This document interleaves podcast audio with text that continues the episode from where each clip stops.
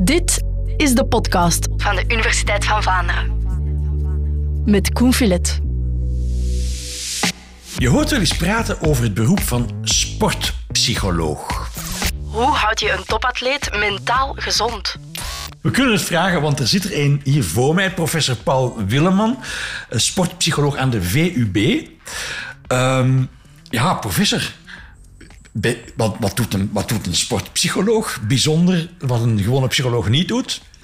Op zich eh, doen we eigenlijk niets anders dan een gewone psycholoog, maar de toepassing ervan is in dat sportdomein. Dus we focussen op wat jonge sporters doen, op wat topsporters doen, maar ook op de coaches, op de begeleiding. Dus we richten ons op een heel specifiek domein in die maatschappij Ja. en specialiseren ons er ook in. Ja. En denkt u, als u televisie zit te kijken en u ziet uh, Nafiti Jam een of ander record breken, van ah, kijk, goed gedaan van die sportpsycholoog die daarachter zit. Nee, dat gaan we niet doen. Dat gaan we niet doen. We zijn nooit eigenaar van het eindresultaat. Nee, maar u heeft vast eraan bijgedragen. We hebben inderdaad wel het bijdragen, vooral in het proces naar die, naar die prestatie toe. Ja. Uh, maar ook als het moeilijk gaat, natuurlijk. Uh, als er een kwetsuur is bijvoorbeeld, of er zijn wat eetproblemen, dan gaan we ook proberen mee te helpen. Maar in essentie is het eigenlijk niet onze taak om direct die atleet aan te spreken op het presteren. Daarvoor hebben we de coach. Dus vaak gaan we ook die coach ondersteunen en feedback geven. Wat zou je nog meer of anders kunnen doen?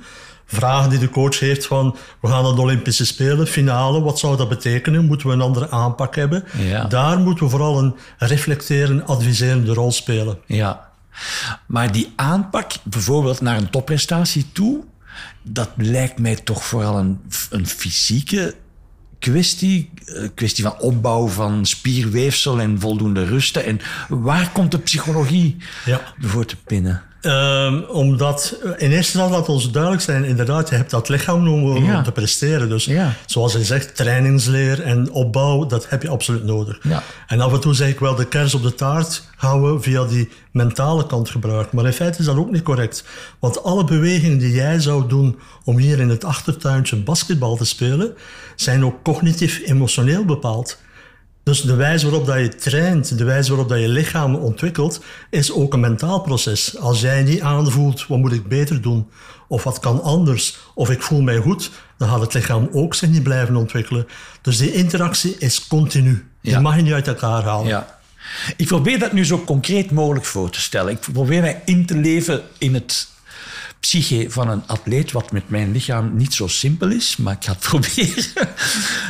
Ik kan mij voorstellen dat faalangst bijvoorbeeld een enorm probleem is in het leven van een, van een atleet. En dan zou je verwonderd zijn dat dat niet het geval is. Is dat niet het geval? Dat is niet het geval. Het lijkt vanuit jouw perspectief als iemand die kijkt naar sport vrij logisch dat je denkt, oei, als het niet gaat, dan ga je totaal de verkeerde Ja. kant uit. De verwachtingen van die, al, die supporters en het publiek die, zijn zo hoog. En dan ga je, als, als het niet lukt, dan ontgoochel je al die mensen. Dat moet toch een enorme druk. Wel, die ontgoocheling speelt natuurlijk een rol en dat brengt ook negatieve emoties mee. Maar om dan direct de andere kant uit te gaan en in faalangst, dat eigenlijk een, een psychologisch probleem is, Ah, ja, te belanden, er zit veel meer ruimte tussen. Ik herinner mij, als ik mag, dat jij vroeger een, een eh, radioprogramma had. Dat is lang geleden, maar ja, dat klopt, ja. En dat was een fantastisch programma. Ja. En dan denk ik ook, als je al die sprekers hebt Mhm. en je moet daar maken dat je een goed programma hebt en technisch alles goed loopt, heb je toch diezelfde druk die je ervaart. Maar je gaat toch niet zeggen, dat je iedere keer met die faalangst... Nee, dat is waar. Hè? Dus de wijze waarop dat je het ook omgaat, leer je ook. Als jij nu vandaag de Olympische finale zou moeten lopen, dan denk ik, ja, dan zal het heel moeilijk zijn. Voor mij persoonlijk. Ja? Ja, zeker. Ja. En niet alleen lichamelijk, maar ook om om te gaan met die 50.000 mensen. Dat begrijp ik ook. Ja. Maar er is geen enkele atleet die van nul zomaar binnenstapt op zo'n finale. Nee. Je hebt jaren opgebouwd. En hoe beter dat we dat proces kunnen begeleiden, hoe gemakkelijker die atleet of dat team ermee kan omgaan. Ja. En daarom dat we ook zeggen, je moet eigenlijk niet starten op het moment dat het probleem er is, of de uitdaging. Je moet eigenlijk in de opleiding van die jongeren, als je hen tactisch, technisch, fysiek leert, moet je ook mentaal Ja. aspecten aanleren. En dat hebben we ook gedaan. We hebben daarvoor een programma ontwikkeld. Elke atleet heeft nut bij een sportpsycholoog, maar er zijn toch een paar situaties, denk ik, waarvan ik zelf denk als toeschouwer, als supporter van dit moet psychologisch heel zwaar zijn. Het toppunt is wereldkampioenschap voetbal, penalties. Juist. En terecht. Man, man, man. Ja, druk. Waarschijnlijk wel. Kan niet anders. Ah ja, Ja, tuurlijk. De vraag is... faalangst. Jo, daar ben je terug met je Ja, maar ja, faalangst. ja, nee, kom aan. Nee, ik denk zeer veel druk waar dat je niet zomaar instapt. Als jij op dat moment vanuit jouw rustige zetel die penalty moet gaan nemen, en dat lukt niet, Koen. Maar iemand die dat gaat doen, heeft toch wel minstens jaren vooraf penalties al genomen. Ja. Ja? En we hopen dan wel, en dat is juist waar we naar de sportpsycholoog moeten kijken, dat de sportpsycholoog via de coach, of desnoods met die speler, technieken heeft aangeleerd om net iets beter met die druk om te gaan. Die druk zal nooit verdwijnen. Nee. Maar is het controleerbaar genoeg om, wat je duizenden keren hebt gedaan, die bal trappen naar het doel, dat dat automatisme kan werken? Want daar Oké. gaat het over. Maar ja, nee, wacht. Nu zijn we nog aan het praten over de psycholoog die de atleet, die de voetballer erop voorbereidt. Je moet nu die penalty gaan nemen. Maar de psycholoog moet er pas aan te pas komen, denk ik, op het moment dat hij die penalty gemist heeft. Denk je dat? Ik zie die speler op de grond vallen en in tranen. Juist. Ik mag hopen dat de psycholoog dan op de bank zit en die meteen kan omarmen. En... Maar ja, dat kan ook. Aan de andere kant denk ik ook, er zijn nog andere mensen die steun bieden. Teammaats, ploegmaats, mensen vanuit de staf, de coach, die bieden ook wel steun. Ja. Als het dan blijft negatief zijn, als die speler terugwandelt naar de kleedkamer en blijft eh, struggelen of worstelen met dat verhaal, dan denk je, ja, dan zou een gesprek met die sportpsycholoog wel handig zijn. Dat is inderdaad juist. Maar laat ons ook niet alles psychologiseren. Ja? Direct de psycholoog ernaast, dan denk je, dat is ook niet onze plaats. Nee, dat is waar. Ja, we moeten dus wel maken dat ze sterk genoeg zijn. En ik begrijp, als toeschouwer, dat jij denkt... Amai, als ik dat zou moeten doen, dat zou nooit lukken. Ja. En gelukkig vragen we jou niet om op dat moment op dat terrein te stappen. Hebben we spelers die vaak genoeg die ervaring hebben opgebouwd. Ja. Maar ja, voetbal, het is ook maar een spelletje. Hè. Het is een... eh, ja. Zou jij de finale doelpunt scorer willen zijn op een WK voor België? In het WK voetbal. Ja. Dat is nu zo hypothetisch dat ik daar echt geen antwoord Nee? op heb. ja. Moet je ook niet naartoe streven. Het is, het is een soort van heldendom waar ik echt nooit naar gestreefd heb. Nee. Maar ik zou graag bijvoorbeeld, als ik er maar eentje mag zeggen, in jouw domein, graag een zeer bekende persoon dat je absoluut altijd al hebt willen interviewen, hier wel op de stoel willen hebben. En dan zou je ook voorbereiden, dan zou je ook Ja. van alles doen, dan zou je misschien Ja. informatie, en wel in topsport gebeurt het ook zo. Ja, je moet er eigenlijk voor zorgen dat die jonge atleet zich goed in zijn vel noemt, om het populair uit te drukken. Dat wil zeggen dat hij mentaal gezond is. Dat daar alvast geen problemen zitten, zodanig dat je je met, met, met die prestaties kan bezighouden. Vat ik het zo goed samen? Ja, ja. Ja, Mentaal gezond is natuurlijk, ja, wat, Ja, wat hè? daarmee? Ja. En iedereen heeft zijn uitdagingen. Ja. Dus op dat vlak moeten we even maken dat we niet denken alles moet roze geur en maneschijn zijn. Er zijn momenten bij, zelfs bij jongeren als die spelen, dat het moeilijk is. En ze moeten leren overwinnen met die moeilijke periode om te gaan. Maar dat mag je niet zomaar laten gebeuren. Je moet hen mogelijkheden geven, competenties noemen we Ja, dat. ja, ja. Technieken, ondersteuning van thuis of vanuit de club, om te leren daarmee om te gaan. Ja. En doe je dat als sporter dan door op consultatie te gaan bij de psycholoog, zoals dat je dagelijks contact hebt met je trainer, ook eh, de geregeld afspraak met de psycholoog? Ja, nee, dat doen we ook weer niet. Ehm, Ah, nee. nee, nee. Ik ben gefascineerd door jouw vragen persoonlijk. Ik vind het fantastisch. Want het beeld van een sportpsycholoog is echt wel iets anders dan we normaal doen. We gaan geen consultaties doen. Wat we gaan doen is bijvoorbeeld met je coach, met je club, met die jongeren, met die ouders gaan praten. eh, toelichting geven enzovoort. En het is pas vanaf het moment dat het echt vastloopt, dat die jongeren lang negatief emoties geeft of met stress opgaan, dat we misschien één op één gaan werken met die jongeren Ja. of met die topsporters.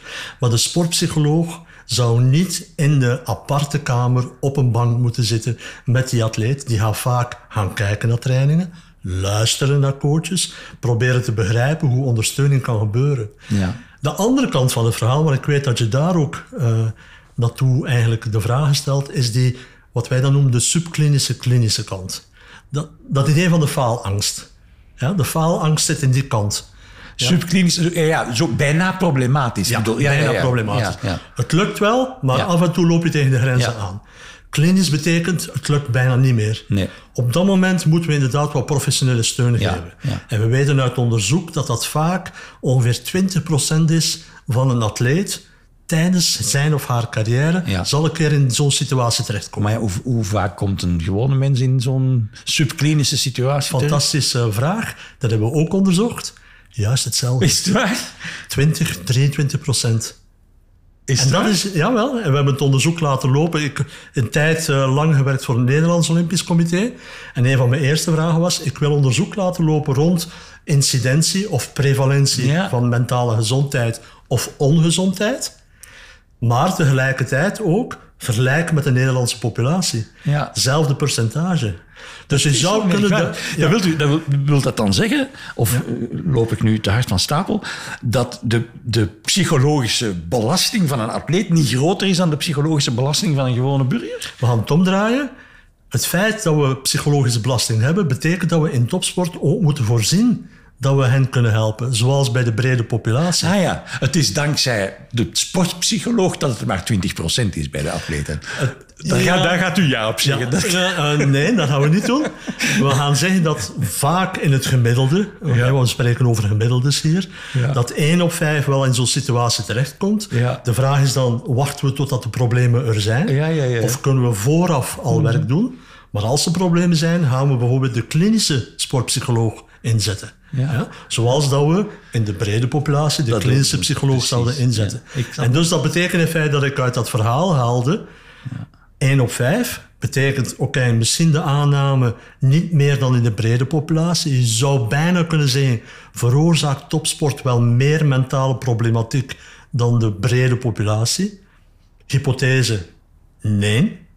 Maar moet onderzocht worden. Ja. Maar tegelijkertijd zeg ik ook, 1 op 5 moeten we echt niet denken van het gaat over de prestatie. Het gaat ook over die mentale ongezondheid, die subklinische Ja, en klinische kant. Ja, ja.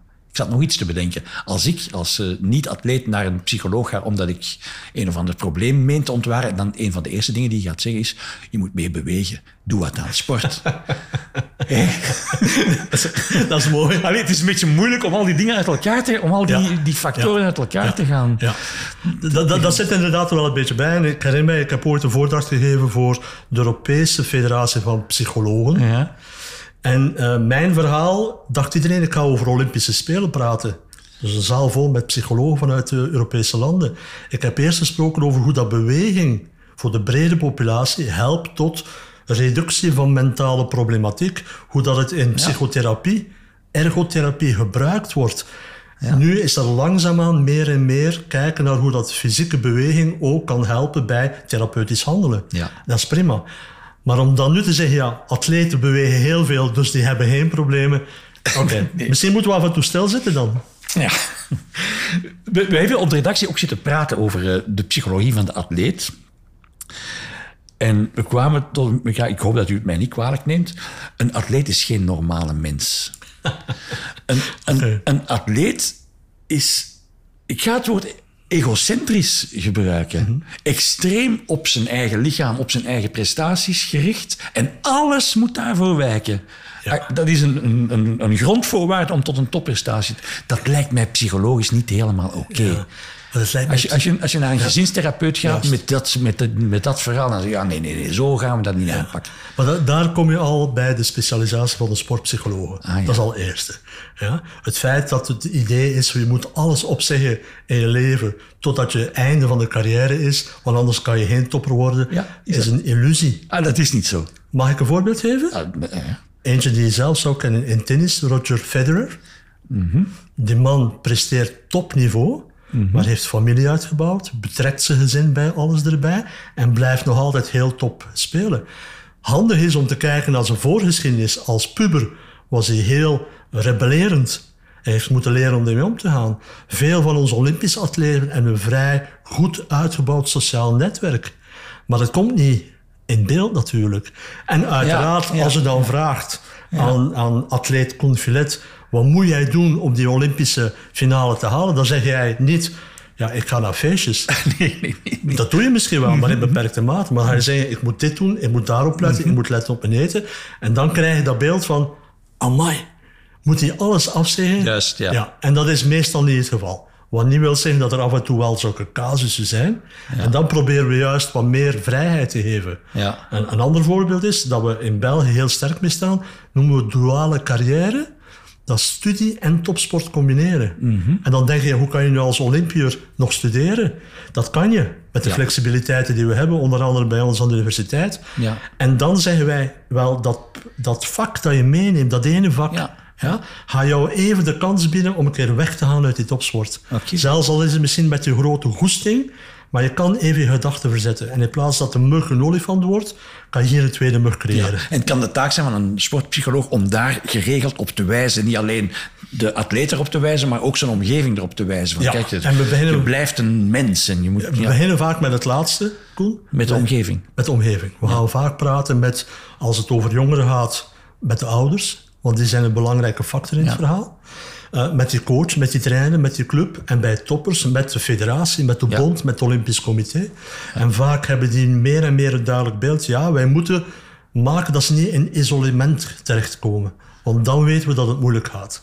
Als jij hier op jouw kamertje dag in dag uit moet blijven functioneren, gaat dat wel gaan, maar op een bepaald moment gaat het niet meer lukken. Ja. Ja? Dus geef vrijheid aan eh, de atleet op zo'n manier dat hij ook wel andere dingen kan doen, want juist daar haalt men dan Ja. of rust of energie uit, Ja. of sociale contacten uit. Ja. Gaat, u, gaat u mee naar de, naar de Spelen in Parijs? Ja, inderdaad. Waarom? Wat gaat u daar doen? Want het werk moet vooraf gebeuren hoor. Dat is inderdaad. Ja, absoluut. En je hebt zeer goed geluisterd, Koen. Het werk wordt vooraf zeer goed gedaan. Maar je kan niet vermijden dat er soms crisismomenten zijn. Je hebt er net zelf even naartoe verwezen. Iemand die een bepaalde actie moet ondernemen, lukt niet, zit in de put, Ja. blijft in de put zitten. Ja. Dan is het handig dat je iemand bij de hand hebt die op dat moment vanuit eigen expertise kan optreden. En die mag je dan niet zomaar laten rondwandelen. Dus de, de rol van de sportpsycholoog is vaak rond crisismanagement. Ja. Eerder dan, we gaan nu leren hoe dat je met de druk moet omgaan. Dat moet al veel langer gebeurd zijn. En daar zit wel een verschil tussen landen. Nederland, België zeggen, kijk, heel veel voorbereiding, zodat we minimaliseren dat we nog nieuwe dingen moeten doen. Ja. Maar als er iets gebeurt, hebben we wel een expert bij de hand, zoals dat je een chef-arts bij de hand hebt, zoals een kind bij de hand hebt.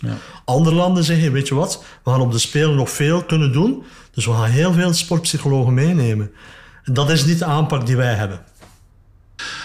Er zijn de voorbije maanden, misschien is het dan wel meer dan een jaar geleden, eh, wat problemen geweest. Zo van trainers in bepaalde sporten, volleybal, die worden verweten van nogal dictatoriaal om te gaan met, met spelers en speelsters. Ehm, je zou dat trainingsstijl kunnen noemen. Keuzes, eh, diploma nee, eh, tactische keuzes zelfs van de trainer om, om, om, om, om hun acolyten tot topprestaties te, te brengen. Wat denkt u daar als sportpsycholoog over? Ehm, laat me even weer een stap achteruit maken als ik mag. Eh, het feit dat het gebeurt grensoverschrijdend gedrag. Ja, Ja. Eh, je, je noemt een voorbeeld, ik ga het algemeen houden. eh, is in onze maatschappij vaak eh, veel aanwezig, maar eh, soms onder de radar. En het is pas later dat dingen naar boven komen. ja het wordt ook over CEO's verteld en over management. En ook in het onderwijs Precies, gebeurt ja. het, ook in de thuissituatie enzovoort. Het gaat over machtsverhoudingen. Ja. controleposities enzovoort. Dus eh, het is niet onlogisch dat we vaak kijken naar die rol van die coach, want die moet vrij sterk kunnen aansturen. Ja. Ja? En ik kan begrijpen dat het soms eh, heel moeilijk tot fout gaat. Ja. Ja? En daar moeten we voor waken. En hoe doen we dat? Wel, meer en meer houden die eh, vooral van jongeren, maar dan ook eh, meer eh senior sporters aanleren. Hoe herken je dat type gedrag? Waar kan je ermee terecht? We spreken over vertrouwenspersoon. Eh, op de Olympische Spelen gaan we nu een welfare officer hebben. ja, dat bent u geloof ik, hè? Die wel Dat ben ik inderdaad, ja. dus voor de Team Belgium in Parijs zal ik als, als klinisch sportpsycholoog functionele welfare officer een aanspreekpunt. We hebben net de Europese Spelen gehad, daar hadden we ook een vertrouwenspersoon mee. Iemand die vrij open staat, waar vrij snel het verhaal kan doen. Dus we proberen wel zoveel als mogelijk, zowel de sporter, de coach ook aan te leren. Wat zijn typen van communicatiestijlen waarvan we denken, daardoor gaan ze beter presteren, Ja. maar uiteindelijk heel korte termijn en vaak negatief verhaal hebben. De entourage noemen we dat dan. Die ouders, die vrienden, de familie.